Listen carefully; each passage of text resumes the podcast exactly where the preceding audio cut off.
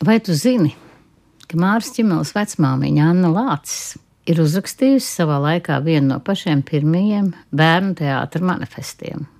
Smilģis ir definējis, ka mākslā ir tikai divas iespējas, kā eksistēt - trūdēšana vai liesmošana. Un šī nu ir sieviete, kura nevienu liesmoja pati. Bet kā tāds sērkots, viņš aizdedzināja ļoti daudzas jaunas parādības un lika iekvēloties ļoti daudziem lielākiem par viņu radītājiem. Starptautiski Asija Lācis ir pazīstama tieši tā. Nevis kā Anna, bet kā Asija. Jo viņa bija 20. gadsimta pirmajos 30 gados ļoti būtisks eh, tilts starp Krievijas avangardu un Rietumē Eiropas avangardu. Viņa dzīvoja gan Maskavā, gan Berlīnē. Viņa apmeklēja Meijerholda kursus, viņa mācījās Gikā, Krievijā. Viņa Berlīnē skatījās eh, Brehta mēģinājumus, viņa piedalījās Piskatora, Ervīna Piskatora izrādēs. Viņa patiešām šajā milzīgajā avangarda kausējumā katlā bija būtisks vārīšanās garainis, varbūt tā to varētu teikt. Tas sākās, es gribētu teikt, 1912. gadā, kad viņi pēc ķēniņa gimnāzijas beigšanas devās uz Krieviju, jo gribēja studēt psiholoģiju. Psiholoģija tajā laikā bija ļoti moderna zinātne. Taču aizrāvās ar teātri, iestājās Fjodora Komisarževska teātra kursos – pabeidza tos veiksmīgi un kļuva par režisoru. Un 1918. gadā, jau pēc Oktobra revolūcijas, viņa tika nosūtīta uz Orlu, kur viņai vajadzēja strādāt par režisoru vietējā teātrī. Šis piedāvājums viņai, acīm redzot, nelikās interesants.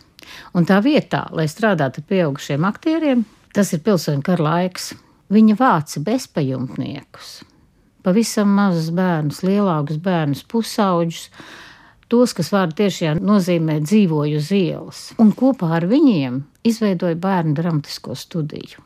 Viņa lika šiem bērniem ieraudzīt kaut kādu jēgu savai dzīvei. Viņa iemācīja viņiem radošumu, viņa tos aizrāva ar kopēju darbu. Un vēlāk jau satikos Valteru Benjāmiņu, viņa 1928. gadā kopā ar viņu uzrakstīju proletāriskā bērnu teātra programmu. 28. gadā uzrakstīta šī programma, tajā laikā tika publicēta tikai daļēji, un pilnā apmērā to publicēja, un tā kļuva par Rietumu teātra vienu no nozīmīgākajiem dokumentiem 1969. gadā. Tas ir laiks, kad pasaulē pirmkārt sāk nākt pēckara baby buma bērnu bērni. Tā ir pavisam jauna, jau daudz brīvāka paudze, un viņi grib brīvi audzināt arī savus bērnus.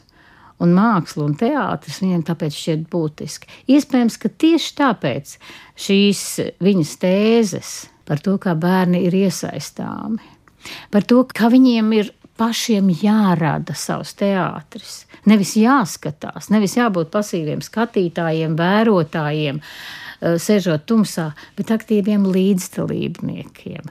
Kā pieaugušiem ir jāmodina bērnu radošums, tas pēkšņi kļuva aktuāls tieši 60. un 70. gadu robežā.